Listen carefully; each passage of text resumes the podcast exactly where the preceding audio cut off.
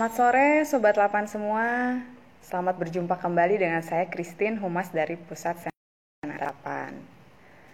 Nah, Dovida yaitu dialog obrolan fakta ilmiah populer dalam sains antariksa kali ini akan mengambil tema atau topik tentang mengenal hari keantariksaan atau e, kampanye malam langit gelap.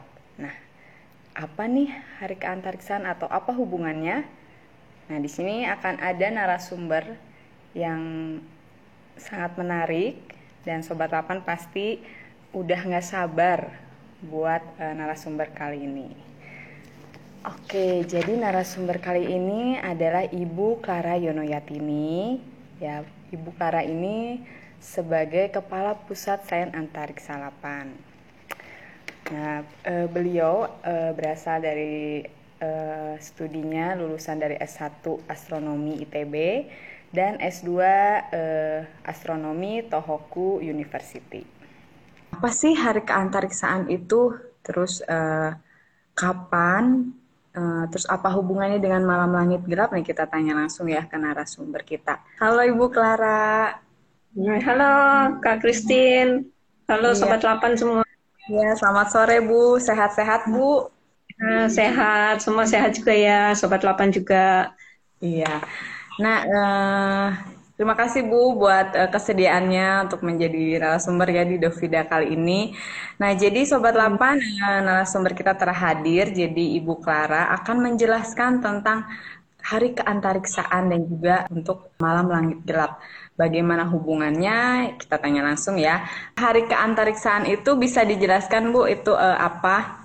Ah, oke. Okay. Hari Kantariksaan itu dicanangkan oleh waktu itu oleh Kepala Lapan. Ini untuk tujuannya sih untuk menumbuhkan uh, kesadaran kita bangsa Indonesia ini bahwa antariksa itu bukan hanya sekedar uh, ruang media begitu, tetapi juga sa salah satu sumber daya yang harus dimanfaatkan untuk uh, kesejahteraan masyarakat Indonesia. Jadi itu sebenarnya hari antariksa, hari keantariksaan maksud saya. Oh iya Bu ya, jadi hmm. untuk menumbuhkan kesadaran masyarakat ya Bu ya. Nah kalau oh, ditetapkannya kapan ya Bu ya? Jadi hari keantariksaan itu ditetapkan setiap tanggal 6 Agustus. Hmm. Jadi kenapa kita uh, ditetapkan di tanggal 6 Agustus? Karena pada tanggal uh, eh, 6 Agustus tahun 2013 tepatnya itu undang-undang keantariksaan itu ditandatangani oleh uh, Bapak Presiden pada saat itu yaitu Bapak Susilo Bambang Yudhoyono. Jadi kalau hmm. kita hitung dari tahun 2013 begitu ya. Sekarang sudah hari keantariksaan yang ke-8 begitu. Nah, itu jadi sobat 8 semua. Jadi kenapa hari keantariksaan di, di hari keantariksaan ditetapkan tanggal 6 Agustus? Itu karena bertepatan hmm. dengan ditandatanganinya undang-undang uh, tentang keantariksaan uh, hmm. pada tahun 2013 ya Bu ya. Jadi ini masuk ya. uh, tahun ke-8, jadi udah 8 tahun. Ya. Nah, e, jadi kalau misalnya apa e, hari keantariksaan itu hubungannya dengan malam langit gelap e, gimana, Bu? Ya, jadi tadi kan ada kaitannya dengan sumber daya ya, sumber daya e, yang tadi harus kita manfaatkan. Nah, salah satunya itu bagaimana kita memanfaatkan apa ya uh, keindahan langit yang ada di kita ini sebetulnya. Jadi kalau sekarang misalnya dengan banyaknya polusi cahaya kita tidak bisa melihat atau tidak bisa memandang langit dengan baik misal hmm, bintang yang tampak hanya sedikit. Nah, itu karena polusi cahaya. Jadi uh, oleh sebab itu bagaimana caranya kita bisa memanfaatkan apa memandang langit begitu dengan baik dengan jelas begitu. Nah, makanya kemudian kita buat istilah malam langit gelap begitu ya supaya kita bisa memanfaatkan atau bisa menikmati antariksa itu dengan lebih baik daripada kalau misalnya ada banyak gangguan begitu untuk untuk kita melihat ke langit. Ya itu jadi sobat lapan jadi uh, supaya kita bisa memandang langit yang lebih bersih, maksudnya uh, jadi polusi cahayanya tidak terlalu banyak ya Bu ya. Nah, selain itu Bu, uh, yang saya tahu ya, jadi di di hari keantariksaan ini kegiatan apa saja Bu yang dilakukan uh, Alapan atau misalnya dengan instansi lain Bu? Uh, baik karena hari keantariksaan ini sudah uh, tampaknya sudah uh, menasional begitu ya. Jadi bukan hanya Lapan sebetulnya yang menyelenggarakan peringatan Hari Keantariksaan ini. Tetapi di Lapan sendiri uh, itu pada tanggal 6 Agustus nanti itu akan diadakan apa ya semacam webinar begitu oleh uh, Lapan yang nanti akan menampilkan nih para pimpinan lapan. Jadi ada bapak kepala dan kemudian uh, para deputi. Dan juga jangan ketinggalan nih nanti di lapan juga akan uh, menghadirkan juga kepala BRIN. Jadi bapak dokter Trihandoko gitu. Ya nanti itu adalah cara yang diselenggarakan oleh lapan. Dan kemudian malamnya uh, kita akan melakukan uh, apa ya semacam talk show ini yang dimotori oleh teman-teman di Balai Kupang. Uh, akan mengadakan talk show dan juga uh, uh, pengamatan langit gelap secara langsung nih tapi secara virtual tentunya ya karena sekarang sedang masa pandemi. Uh, ini nanti akan dilaksanakan oleh teman-teman dari Balai Kupang. Jadi kita bisa mengamati juga uh, balai apa langit di atas Kupang nanti selain langit di atas kita sendiri itu yang akan dilaksanakan oleh Lapan. Oh, iya. Dan mungkin ada balai-balai yang lain nih yang akan melakukan pengamatan pada tanggal 6 Agustus nanti pada hari keantariksaan. Dan jangan lupa kita semua dihimbau untuk mematikan lampu pada jam 8 waktu Indonesia Barat ya sampai jam cukup satu jam saja untuk memperingati hari keantariksaan ini. Oke, terima kasih Bu Tara atas penjelasannya. Yaitu ya, jadi eh, kegiatan yang dilakukan oleh Lapan tadi seperti yang Bu Clara sudah jelaskan, jadi akan ada pada tanggal 6 Agustus itu webinar Progres Keantariksaan Indonesia yang diselenggarakan oleh Lapan ya Bu ya. Nah itu eh, Sobat Lapan bisa cek di IG Lapan RI atau IG-nya Pusainsa juga. Di situ ada link pendaftarannya, jadi eh, Sobat Lapan semua boleh daftar. Dan tadi yang sudah dijelaskan Bu Clara juga pada malam pada malam harinya atau sore harinya pukul 7 waktu Indonesia Tengah atau jam 6 waktu Indonesia Barat itu akan ada talk show yang diadakan oleh Balai Pengelola Observatorium Nasional ya di Kupang ya Bu. Nah itu uh, cek juga di IG-nya Bepon uh, Kupang juga IG-nya Pusayensa dan 8 RI di situ juga ada link pendaftarannya, jadi bisa nanti uh, masuk uh, via Zoom. Kalau misalnya udah penuh, nanti bisa gabung di YouTube ya Bu ya. Nah ini menarik ya, sekali, betul. jadi nanti kita bisa uh, mendengar juga penjelasan dari narasumber, dari peneliti Pusainsa juga, dan ada juga dari Undana dan juga dari ITERA ya Bu ya. Dan nanti uh, sobat bisa sambil uh, menikmati uh, langit uh, malam ya Bu ya langsung ya. Jadi pengamatan secara virtual yang akan uh, dipandu oleh rekan-rekan uh, peneliti di uh, Jepang. Nah, oke okay, Bu, uh, uh, lanjut tadi yang Ibu sampaikan tentang polusi cahaya ya Bu ya. Uh, mau nanya nih Bu, kira-kira daerah mana saja yang mungkin masih minim akan polusi cahaya Bu? Hmm, ya kalau kalau yang kita lihat saja sama-sama begitu ya, yang yang minim polusi cahaya tentu di daerah-daerah yang eh, di luar kota begitu ya, di tempat-tempat yang mungkin jauh dari perkotaan itu umumnya eh, tentu masih minim dari polusi cahaya. Jadi kalau yang di kota itu saya kira sudah sangat pesimis lah ya kita bisa bisa mengurangi cahaya segitu besar begitu ya. Tetapi kalau di daerah pedesaan, mungkin di pegunungan, uh, di daerah-daerah yang tidak banyak pemukiman, saya kira itu polusi cahayanya pasti masih uh, sangat minim. Ya, itu juga tadi yang ditanyakan oleh ini hmm. ada Ed Aulia ya di sini ya di Indonesia di mana saja daerah yang masih minim polusi cahaya. Nah, itu tadi sudah dijawab ya sama Ibu Clara. Oke. Ini ada dari Andi uh, Andi Hasanuddin ya. Apakah ada kerjasama dengan PLN untuk pemadaman di tanggal 6 nanti, Bu?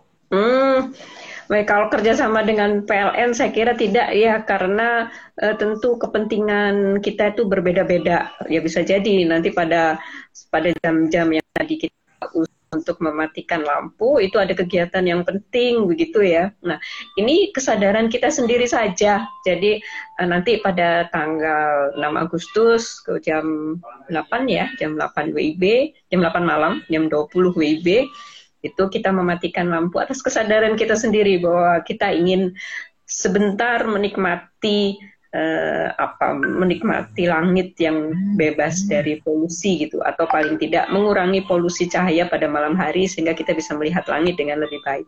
Jadi saya kira itu. Jadi kalau nanti PLN eh, diminta mematikan semua kan kita nggak tahu ya ada kepentingan kepentingan kita macam-macam lah nanti jangan-jangan ada sesuatu yang penting yang sedang dikerjakan oleh seseorang nah itu tentu uh, akan berbeda-beda. Jadi ini kesadaran kita saja untuk mematikan lampu pada jam tersebut. Oke, ya makasih Bu penjelasannya itu ya jadi buat Kak Andi jadi uh, jadi tidak ada ya kerjasama untuk mematikan lampu dengan PLN tapi uh, ini adalah himbauan untuk semua masyarakat ya Bu ya terutama untuk bisa uh, sadar dalam mematikan lampu dalam waktu satu jam saja pukul 8 malam waktu setempat sampai pukul 9.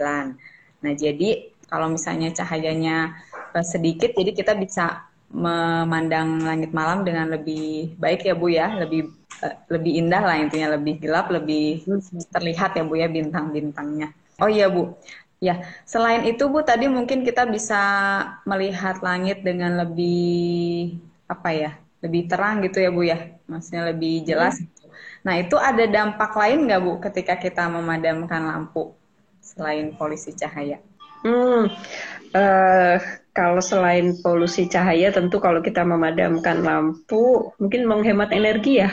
Jadi kalau um, biasanya pada hari bumi begitu juga ada himbauan untuk mematikan lampu, itu tujuannya untuk uh, uh, menghemat energi. Nah, sama. Jadi kalau nanti kita uh, selain kita bisa melihat langit dengan lebih jelas begitu, tentu uh, ada efek lainnya yaitu kita bisa menghemat energi walaupun mungkin itu cuma satu jam tetapi itu apabila banyak orang yang melakukan itu akan sangat berarti demikian juga ketika kita mematikan lampu untuk melihat ke langit begitu ya kalau hanya rumah kita sendiri begitu yang mati uh, mungkin masih kurang kurang uh, jelas begitu kita melihat ke langit. Tapi kalau misalnya satu komplek atau jangan satu komplek lah ya misalnya di ada satu jalan satu gang begitu kita matikan lampu sama-sama kemudian kita melihat langit itu akan jauh lebih bagus begitu. Jadi selain polisi cahaya juga bisa menghemat energi ya Bu ya. Nah ini hmm. jadi uh, buat sobat 8 semua juga uh,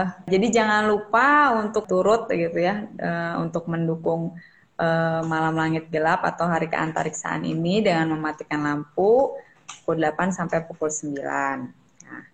Nah, ini ada pertanyaan lagi Bu dari Elektra. Nih katanya, katanya di sini Ibu, upaya apa yang sudah dilakukan di Lapan, Kupang untuk mencegah polusi cahaya agar tetap terjaga langitnya?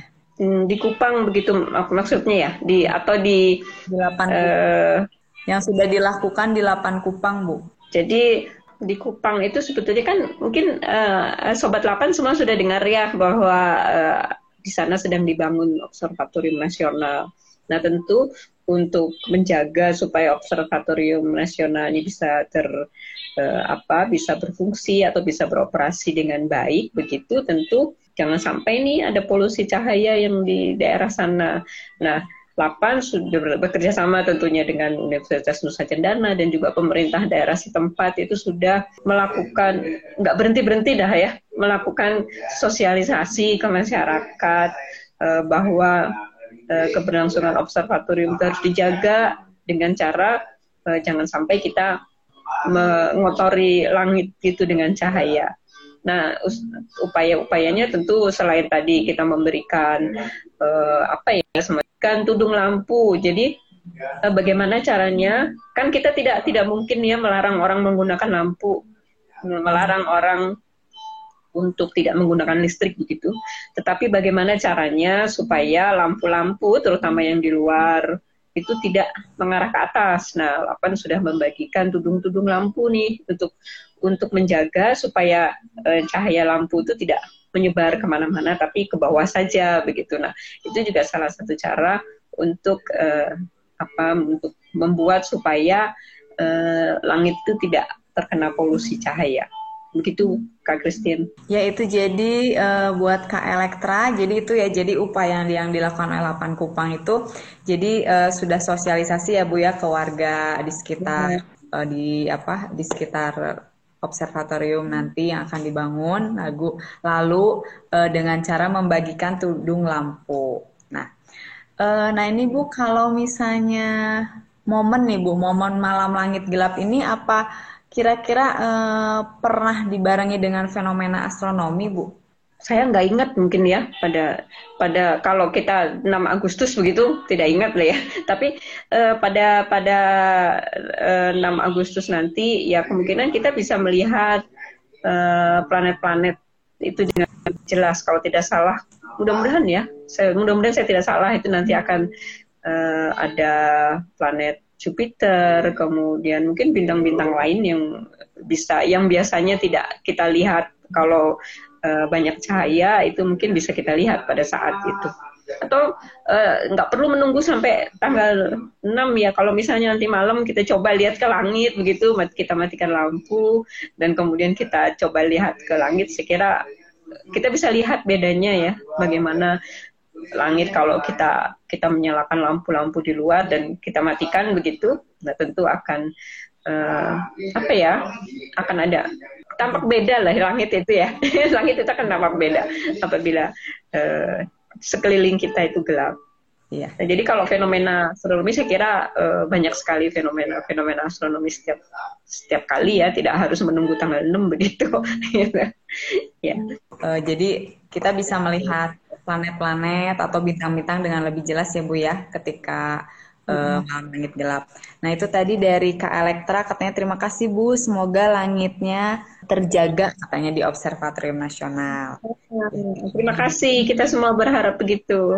Iya betul, kita semua berharap begitu. Mudah-mudahan uh, baik di Kupang atau di seluruh Indonesia ya Bu ya, semua sobat lapan semua bisa uh, mengikuti himbauan ini ya. Jadi mematikan lampu pukul 8 uh, eh, malam sampai 9 malam waktu setempat. Nah, ini Bu ada pertanyaan lagi, Bu. Kira-kira nih katanya, Bu, ada kemungkinan nggak Bu kalau kampanye mengurangi polusi cahaya itu atau tudung lampu itu dilakukan lagi tapi selain di Kupang, Bu? Ah, Iya, jadi uh, tidak hanya di Kupang sebetulnya ya kampanye malam langit gelap ini kita menghimbau untuk seluruh Indonesia begitu uh, untuk untuk uh, kita sama-sama nih me meramaikan atau memperingati hari keantariksaan ini dengan malam langit gelap. Dan juga uh, tadi yang tudung lampu tentu kita perlu untuk kalau misalnya kita di daerah-daerah di mana kita melakukan observasi ya.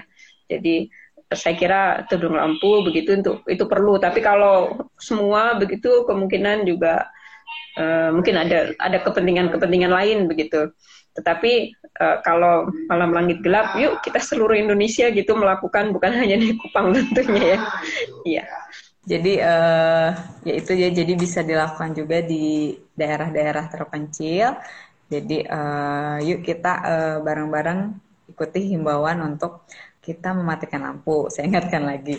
Nah ini Bu, uh, tadi mungkin buat tadi Kak Elektra atau Sobat 8 semua juga untuk misalnya fenomena astronomi gitu bisa lihat juga di IG-nya Pusainsa ya Bu ya. Jadi uh, setiap bulan akan ada fenomena astronomi yang dibagikan di uh, Instagramnya Pusainsa. Jadi uh, Sobat 8 semua bisa cek atau untuk selengkapnya bisa juga buka web edukasi sains antariksa. Lain saat momen malam langit gelap ini, apa yang bisa dilakukan masyarakat secara mandiri yang ingin turut serta mengurangi emisi cahaya? Ya, uh, jadi itu tadi masyarakat bisa turut berpartisipasi dengan mematikan lampu di uh, rumahnya masing-masing gitu ya. Jadi kalau misalnya setiap uh, rumah saja, setiap rumah mematikan lampu luarnya saja, itu akan terlihat sekali bedanya. Jadi ini masyarakat bisa berpartisipasi dengan cara seperti itu. Ya, Bu. Uh, ya, jadi uh, sobat lapan semua mungkin yang tahu tentang info ini bisa diinfokan ya ke keluarga, ke saudara, ke kerabat gitu. Karena kadang uh, masyarakat juga belum ngeh ya Bu ya atau belum sadar gitu. Hmm. Saya juga kadang waktu tahun lalu juga apa ke saudara eh matiin lampu gitu jam 8 sampai jam 9 gitu karena e, mereka juga belum tahu semua gitu. Jadi sobat-sobat 8 yang udah join yang hadir boleh disampaikan juga ke kerabat-kerabat, ke kolega-kolega, ke semua ke teman-teman supaya e, turut untuk e, mendukung hari keantariksaan dengan mematikan lampu pukul 8 sampai pukul 9 waktu setempat pada tanggal 6 Agustus ya. Jadi uh, matikan lampu uh, bisa juga sambil uh, mengamati langit langsung ya Bu ya di luar atau mengikuti talk, talk show yang uh, diadakan oleh Bepon dan juga Sainsa. Saya ingatkan lagi Bu tadi untuk yang akan melakukan pengamatan itu dari 8 itu ya Bu ya. Jadi selain balai pengamatan, nanti sobat 8 semua juga e, bisa melihat pengamatan yang dari e, balai pengamatan antariksa dan atmosfer Sumedang juga ada balai pengamatan dari Pasuruan dan tadi ada dari stasiun Bumi Penginderaan Jauh Parepare Bu. Jadi ada tiga balai oh. yang akan melakukan hmm. juga. Jadi nanti uh, akan ada empat balai ya yang terkonfirmasi untuk uh, pengamatan. Jadi sobat 8 juga bisa melihat ya Bu. Ya. Jadi kalau dari Bepon bagaimana gitu ya Bu ya pengam, uh, pengamatannya. Hmm. Itu kira-kira beda nggak sih Bu uh, masing-masing balai itu nanti untuk uh, hasil hmm. pengamatannya langitnya? Ah, saya kira Uh, mungkin tidak tidak terlalu jauh berbeda ya karena uh, langit yang segitu jauh begitu uh, atau bintang-bintang yang segitu jauh gitu dibandingkan dengan jarak antara Sumedang, Kupang dan sebagainya. Nah, uh, mungkin yang membedakan nanti adalah uh, kecerangannya, kecerangan langitnya. Jadi misalnya kalau uh, langit yang betul-betul bersih dari polusi cahaya dengan yang mungkin agak agak sedikit uh, ada pol terkena polusi begitu mungkin pasti akan berbeda lah ya. Jadi saya kira uh, nanti perbedaannya uh, hanya pada situasi setempat situasi lokal begitu. Oh ya Bu, itu uh, itu uh, kalau misalnya langitnya cerah ya Bu ya kita bisa mengambil. Iya, iya betul. Kalau misalnya hujan itu berarti nggak bisa ya Bu ya? Kalau hujan kita lihat aja cari mana mana tempat pengamatan yang saat itu sedang cerah begitu. Mungkin lihat dari Kupang atau lihat di Sumedang atau lihat mana, mana yang lebih cerah yang sedang sedang apa langitnya sedang cerah begitu. Oke okay, oke. Okay. Ya, uh, ya mudah-mudahan ya Sobat 8 uh, eh, tanggal 6 Agustus sebenarnya langitnya cerah, jadi kita bisa memandang langit, uh, planet, bintang itu lebih jelas gitu. Nah, itu uh, lanjut nih Bu, uh, berbicara tentang polusi cahaya nih Bu, bagaimana uh, presenta, persentasi polusi, polusi cahaya di Indonesia Bu? Apakah masih di bawah batas normal atau tergolong tinggi nih Bu, menurut Ibu? Oh, kalau menurut saya ya, jadi tapi bukan menurut saya ya, ini teman-teman juga sudah melakukan pengukuran ya. Uh, jadi kalau di Indonesia itu tentu yang di perkotaan itu sudah lebih uh, jauh lebih tinggi begitu ya daripada di pedesaan. Nah, mungkin malah melebih kalau batas ambang nah ini ini mungkin saya kurang tahu ambangnya di mana begitu, tapi kalau dilihat secara selintas saja kalau kita ke kota dengan begitu banyak lampu-lampu begitu tentu sudah ini polusi cahayanya sudah sangat parah. Nah, kalau di uh, di mana di pedesaan atau di daerah-daerah yang masih belum banyak penduduknya, apalagi daerah yang belum masuk listrik kali ya, itu tentu polusi cahayanya hampir eh, sangat minim begitu. Nah, eh, ini teman-teman di Lapan, khususnya yang di Pusat Sains Antariksa dan juga eh, balai-balai di Lapan dan juga Balai Kupang itu juga sudah melakukan pengukuran nih, pengukuran uh, tingkat polusi cahaya di beberapa daerah. Nah, memang terlihat bahwa di kota-kota ini sudah banyak sekali, uh, sudah tinggi sekali polusinya dibandingkan di daerah-daerah yang di pinggiran begitu atau di desa-desa atau bahkan di tempat-tempat yang terpencil. Begitu Kak Christine? Yang uh, pengukuran itu yang data SKM itu ya Bu? Uh, ya betul, betul. Ya, jadi uh, Sobat 8 semua juga bisa kunjungi web di Pusain saya, Bu, ya ada tentang data SGM. Jadi bisa tahu eh, kota-kota yang polusi cahayanya apa tinggi atau masih dalam batas normal ya, Bu ya? Betul, betul. Jadi SKM itu dari sky quality meter begitu ya. Jadi untuk mengukur kualitas apa kualitas cahaya lah di kualitas langit di satu tempat begitu. Jadi uh, saya ingatkan kembali nih buat masyarakat uh, untuk uh, mengikuti atau menyemarakani webinar tentang keantariksaan dan juga talk show uh, Hari Keantariksaan Nasional yaitu menjaga langit malam untuk kehidupan manusia.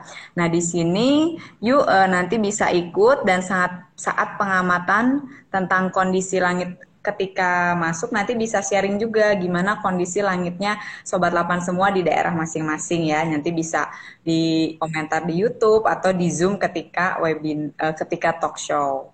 Nah, oke okay, Bu lanjut Bu ini uh, uh, ada pertanyaan nih Bu. Uh, biasanya kalau langitnya cerah dan tempatnya strategis, benda langit apa saja yang bisa masyarakat lihat secara langsung? Pertanyaan titipan. ya, ya.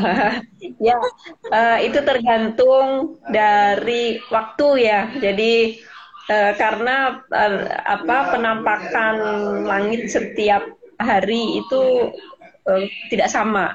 Jadi uh, tergantung pada waktunya. Misalnya kalau hmm, mungkin bulan-bulan ini uh, kita bisa melihat Jupiter misalnya ya, tetapi belum tentu nanti eh, enam uh, bulan lagi begitu kita bisa melihat karena bisa jadi nanti Jupiter uh, ada di atas itu ketika siang hari, jadi kita tidak bisa melihat. Sementara nanti beberapa bulan kemudian nanti Jupiter itu ada di pada di di atas kita pada saat malam hari. Jadi itu tergantung dari waktunya dan itu mungkin nanti uh, bisa dilihat. Jadi kelihatannya ada aplikasi khusus gitu atau perangkat lunak khusus yang yang bisa melihat uh, bisa mengetahui oh malam ini uh, kita bisa melihat apa ya? Gitu. Itu itu bisa dilihat di situ. Saya kira uh, mungkin sobat-sobat uh, 8 ini sudah tahu lah ya sudah bisa mencari aplikasinya seperti apa begitu bisa melihat malam ini kita bisa lihat apa ya jadi memang ter, tergantung dari uh, waktunya. Hanya tentu kita kalau berada uh, di selatan Katulistiwa ya di belahan selatan tentu tidak tidak bisa melihat bintang yang ada di kutub utara begitu. Nah, itu jadi tergantung tempat dan juga tergantung pada waktu. Begitu Kak. Oke, ya makasih Bu. Jadi itu ya jawabannya. Jadi uh, tergantung uh, tempatnya dan juga uh, kondisinya. Nah ini uh, ada pertanyaan lagi Bu. Uh, di Lapan Bandung, apakah ada pengamatan khusus di momen malam langit gelap Bu? Uh, nanti mungkin saya kurang tahu apa yang harus yang akan dilakukan uh, tepatnya begitu ya oleh teman-teman yang ada di balai. Tetapi pada saat uh, tanggal 6 Agustus itu mungkin ada pengamatan planet mungkin ya karena ada planet mungkin yang bisa terlihat jelas pada tanggal uh, pada tanggal 6 nanti. Dan mungkin ada juga teman-teman yang memang berniat meneliti atau mengambil uh, gambar dengan lebih baik di gambar langit dengan lebih baik. Saya kira ini nanti tergantung dari masing-masing interestnya teman-teman yang sedang mengamat ini mau ngamatin apa sih pada saat uh, malam langit gelap nanti. Nanti di Bu ya berarti ya. Oke Bu, ini katanya ada dari uh, Nizaki. Ada komen katanya pengen kerja di lapang. Bisa ya Bu bisa ya. Tinggal uh, baru ini ya Bu. Uh, udah pembukaan ya Bu ya. Udah seleksi kan ya. Sekarang sekarang nggak tahu apakah sudah ditutup atau belum, tapi sekarang sekarang ini sedang masa pendaftaran uh, eh, PNS maupun uh, tenaga apa P3K begitu di Lapan. Jadi buat sobat Lapan tadi yang pengen kerja di Lapan, ya ikuti terus ya infonya de, uh, baik IG atau FB 8RI itu atau webnya bisa dibuka di situ. Uh, kita akan kasih informasi kalau ada uh, info uh, pembukaan CPNS untuk Lapan. Berarti pada momen malam langit gelap nanti nih Bu, itu juga bisa menjadi ajang edukasi masyarakat terkait bidang keantariksaan ya Bu ya? Saya kira itu salah satu uh, momen yang bagus juga ya kalau pada saat itu kita kita bisa memberikan uh, apa kita sharing begitu sharing uh, pengetahuan tentang antariksa.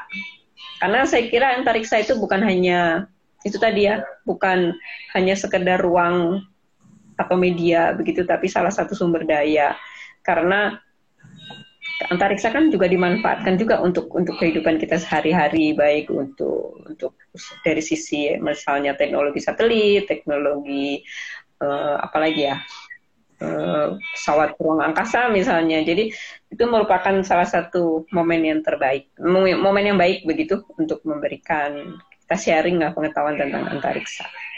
Sobat 8 yuk pada masuk ke 8 ya. Jadi kalau misalnya ada pembukaan jangan lupa uh, cepet-cepet daftar nih karena biasanya uh, terbatas nih ya. Jadi kalau PNS biasanya yang diterima cuma beberapa orang ya Bu ya. Jadi uh, cepet-cepetan uh, buat daftar dan juga supaya bisa belajar tentang keantariksaan lebih lagi.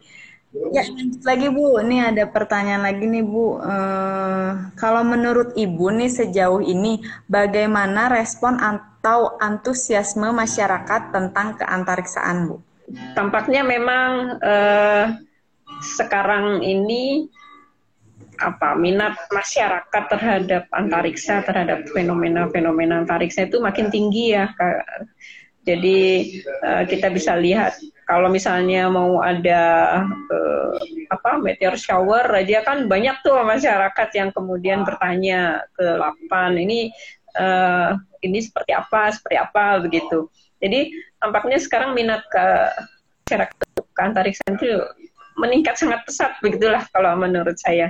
Jadi kalau dulu rasanya antariksa itu masih masyarakat itu masih mikir antariksa itu apa ya? Jauh banget gitu. Tetapi dengan sekarang mungkin uh, dengan kesadaran bahwa ini teknologi sekarang yang kita gunakan ini ini teknologi antariksa semua nih.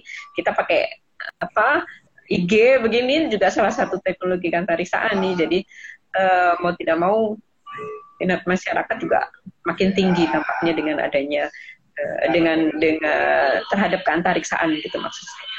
Begitu kan Oke, okay. ya benar banget ya Bu ya. Apalagi kemarin juga uh, Lapan juga uh, pusat ya Lapan juga menjadi PIC ini ya Bu ya buat kegiatan Kibo RPC 2 ya Bu ya.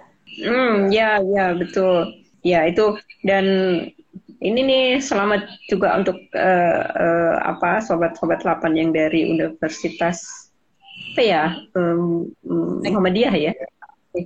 Negeri Yogyakarta maaf Universitas Negeri Yogyakarta nih yang menjadi pemenang Kibo.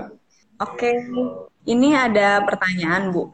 Uh, Bu uh, dari Enzaki katanya, Bu kita ada kemungkinan tidak untuk melihat galaksi dengan mata telanjang tanpa teleskop? Uh, kita mungkin bisa melihat yang paling uh, bisa kita lihat itu galaksi Bima Sakti kak. Jadi hmm. uh, kalau misalnya pada langit yang pada saat langit yang langit cerah dan langitnya bagus begitu ya, tidak banyak polusi, kita bisa melihat uh, Bima Sakti dengan sangat jelas. Itu berupa semacam hmm, apa ya uh, uh, deretan putih begitu kabut begitu yang di situ banyak bintang. Itu bisa sekali kita melihat dengan mata telanjang. Oh ya, tapi perlu uh, ini ya Bu ya, uh, yaitu minim yang polusi cahayanya ya Bu ya supaya kita betul, bisa betul. Iya. siap. Jadi itu ya, jadi Mas Nizaki jadi uh, bisa dengan mata telanjang asal langitnya itu uh, cerah ya Bu ya dan uh, polusi cahayanya minim. Nah, oke, okay. di sini ada pertanyaan lagi Bu, pertanyaan titipan lagi. Ini katanya bagaimana Lapan mengenalkan bidang antariksa ke masyarakat Bu? Hmm, kan uh, cara ya ya misalnya eh, sekolah-sekolah atau perguruan tinggi yang mau datang ke Lapan silahkan.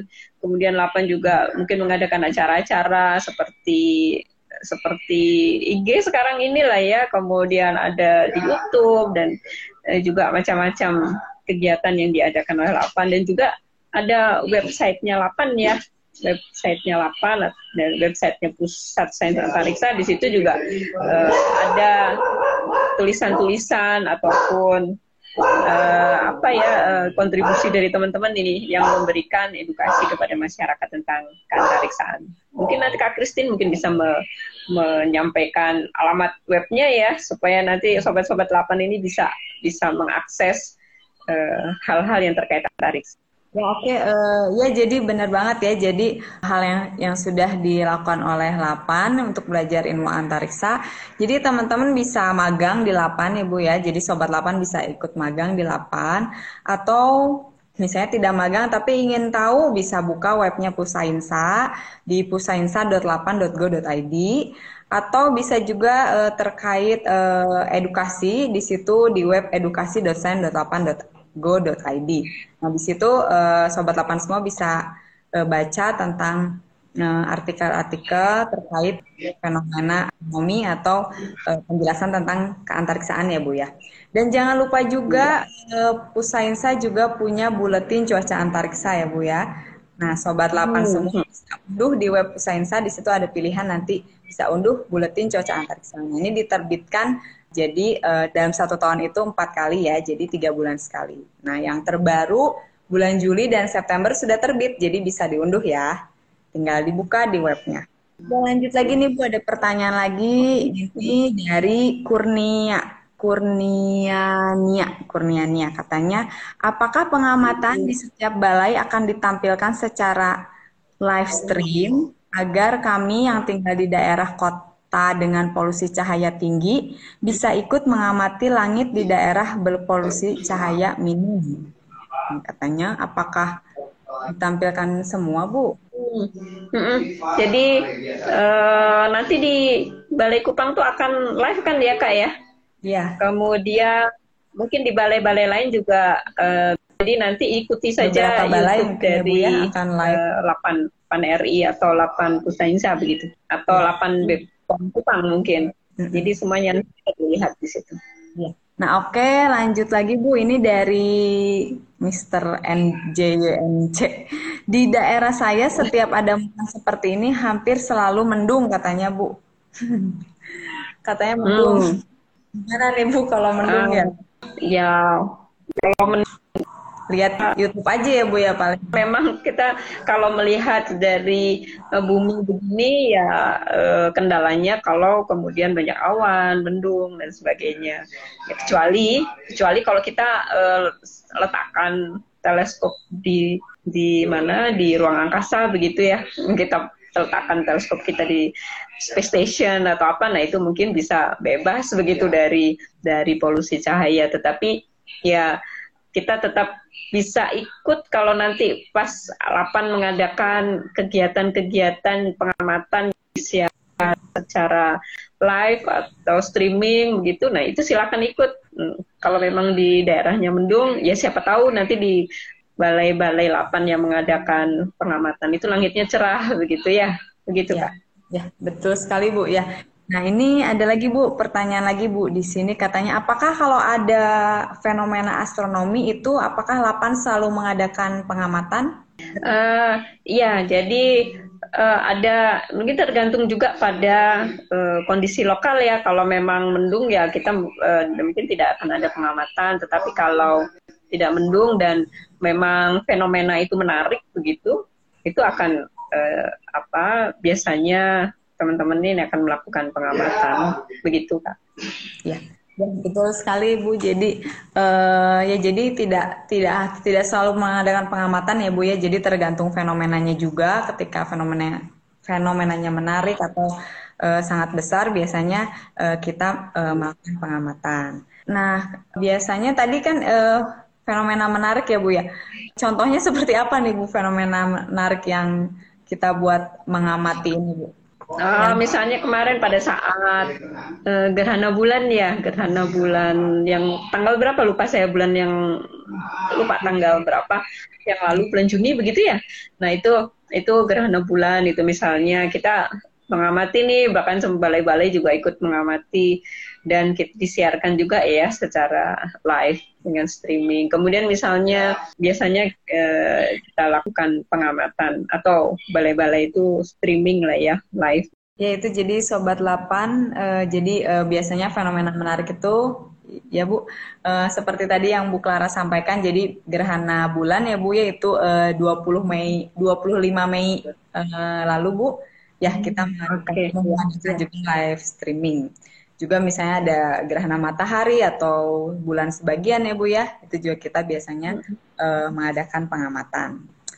Nah ini ada lagi Bu, uh, mungkin ini pertanyaan yang selanjutnya, info-info tentang keantariksaan kira-kira bisa diakses di mana saja Bu? Uh, bisa di websitenya Pusainsa ya, Uh, jadi tadi Kak Kristin juga sudah menyampaikan tuh, jadi ada fenomena astronomi setiap bulan itu bisa dilihat. Uh, mungkin Kak bisa mengulangi bisa diakses di mana nih? Oh iya, ya oke okay, Bu. Ya jadi uh, ya tadi saya sudah sampaikan ya, jadi bisa lihat di webnya 8 RI. Uh, atau web ya, webnya pusat sains antariksa ya pusaisa.8.go.id dan juga web edukasi edukasi.science.8.go.id itu untuk info-info antar cek juga di web tersebut. Nah ini Bu ada satu pertanyaan lagi Bu, uh, uh, katanya kapan mau bikin bandar antariksa? Itu kapan Bu kira-kira katanya? Uh, sebetulnya ini uh, sudah mulai dalam tahap apa ya jadi sudah membuat uh, sudah menentukan lokasinya kemudian sudah uh, ketemu dengan masyarakat setempat ketemu dengan pemerintah daerah setempat hanya mungkin uh, pembangunannya tentu kalau membangun bandara antariksa itu diperlukan satu persiapan yang sangat matang. Nah ini Lapan sedang mempersiapkan ke arah sana. Jadi apakah itu penyiapan lahan tentu ya yang pertama yang penting kemudian membuat master plan-nya seperti apa dan tidak lupa uh, amdalnya nanti seperti apa jadi banyak sekali yang harus dipersiapkan lebih dahulu mungkin kita tunggu dalam waktu dekat ini mungkin sudah bisa dimulai. Kira Bu bisa dijelaskan sedikit Bu kalau bandara antariksa itu apa dan fungsinya apa Bu? Bandara atau bandar Bu? Bandar. Jadi uh, kalau bandara itu mungkin kita uh, ke mana? Ke Soekarno Hatta, Bandara Halim, nah kayak gitu ya. Mungkin itu itu lebih untuk pesawat-pesawat kecil. Tapi uh, Bandara Antariksa ini adalah tempat kita meluncurkan wahana-wahana antariksa dengan uh, yang uh, besar begitu ya, misalnya roket. Nanti misalnya roketnya membawa satelit, tentu diperlukan yang uh, apa Bandar Antariksa ini adalah uh, lokasi untuk meluncurkan wahana-wahana antariksa begitu. Oke, ya makasih banyak. Jadi itu ya penjelasannya tentang bandar antariksa dan juga fungsinya. Nah ini Bu ada satu pertanyaan terakhir Bu, ini dari Kak Ipan nih, Ipan Daus katanya izin bertanya Bu, apakah pengamatan punya jadwal sendiri Bu? Jikalau ada, apa pengaruhnya semisal pengamatan dilakukan di luar jadwal yang sudah ditentukan? Jadi di uh, di, di kita ya di Pusainsa itu ada memang pengamatan-pengamatan yang terjadwal, terjadwal setiap hari misalnya ya karena misalnya kita mengamati matahari itu harus setiap hari, tetapi juga ada eh, pengamatan-pengamatan insidentil. Jadi kalau misalnya pada saat oh ini ada mau gerhana matahari, oh ini mau ada fenomena konjungsi atau apa pun itu fenomena uh, diamati gitu oleh uh, teman-teman di lapan. Di samping tadi yang yang memang yang sudah terjadwal. Jadi terjadwal ini saya tiap hari ya karena uh, kita mengamati matahari itu setiap hari untuk mengetahui seberapa besar sih perubahan matahari dan juga nanti menjadi bahan untuk penelitian tentang matahari. Jadi ada ada yang terjadwal dan ada yang tidak. Begitu ya Kak Christine. Oke, nah itu ya, jadi Kak Ipan ya, jadi terkait pengamatan. Nah, baiklah Bu, eh, nggak eh, sengaja nih, eh tidak tidak terasa nih kita sudah satu jam nih Bu kita uh, Dovida ini. Jadi Terima kasih banyak nih Bu Clara uh, sudah menjadi narasumber nih. Jadi kita bisa tahu ya jadi apa itu hari keantariksaan dan uh, bagaimana hubungannya dengan malam langit gelap. Nah, ini buat sobat 8 Bu boleh kasih sedikit closing statement Bu buat uh, teman-teman sobat 8. Oke. Jadi kan hari keantariksaan nanti tanggal 6 Agustus berpartisipasi untuk menyukseskan hari keantariksaan ini dan juga uh, menumbuhkan meningkatkan kesadaran kita bahwa antariksa ini merupakan salah satu sumber daya yang penting yang harus dimanfaatkan oleh uh, bangsa Indonesia dan uh, salah satu partisipasi kita uh, partisipasi kecil kita nanti adalah dengan cara matikan lampu pada jam 20 WIB sampai jam 21 WIB. Terima kasih. Ya, terima kasih banyak Bu buat closing statementnya ya. Jadi itu para sobat 8 semuanya. Jadi eh, jangan lupa nih himbauan dari Bu Clara juga untuk eh, bisa mematikan lampu eh, pukul 8 sampai 9 eh, 6 Agustus 2021. Ya, ini eh, baik Bu Kapus, terima kasih banyak atas eh, penjelasannya Bu. Jadi kami eh, semakin ya, ini terkait keantariksaan. Mudah-mudahan kita bisa bertemu lagi ya Bu ya dengan topik yang lebih menarik lagi di lain waktu. Baik Bu Oke, okay, terima kasih. Ya, Sobat Lapan semua, jadi itu tadi narasumber kita. Jadi Bu Clara sudah menjelaskan nih tentang Hari Keantariksaan dan juga Malam Langit Gelap. Nah, ini buat uh, Kak Eston dan juga pertanyaan tentang Bandar Antariksa nih kayaknya semangat ya. Nah, mungkin ini nanti akan kita jawab di IG ya atau nanti akan ada uh, Dovida khusus mungkin ya terkait Bandar Antariksa. Nanti uh, saya koordinasikan dulu ya. Jadi buat yang uh, berminat ya, jadi uh, nanti bisa uh, uh, ke kita uh, bisa IG atau bisa komen untuk uh, topik apa nih yang menarik yang mau dibahas di Dovida. Boleh juga ya. Nah, jadi saya ingatkan kembali nih, jadi ada kegiatan webinar progres keantariksaan tanggal 6 Agustus 2021 pukul 9 pagi. Nah, itu bisa daftar langsung ya. Lihat di IG-nya Pusainsa dan 8RI dan Bepon Kupang. Juga ada talk show hari keantariksaan itu pukul 7 Wita atau pukul uh, 6 WIB. Nah, itu juga untuk link pendaftarannya boleh buka uh, IG-nya Pusainsa, Bepon atau 8RI. Dan juga uh, sobat 8 semua jangan lupa ikuti media sosialnya IG, uh, Twitter dan juga YouTube-nya Pusat Sen Antariksa 8 ya yang belum follow, ayo follow. Dan juga untuk info-info uh, terkait uh, keantariksaan atau sains antariksa, astronomi, bisa kunjungi web uh, web Pusainsa di pusainsa.8.go.id dan juga untuk uh, edukasi itu di http edukasi.sain.8.go.id. Ya, jangan lupa ikuti perkembangan terus sains antariksa melalui uh, medsos kami. Nah, baik itu jadi eh, terakhir, jadi jangan lupa untuk mematikan lampu pada tanggal 6 Agustus 2021 pukul 8 sampai 9 malam waktu setempat.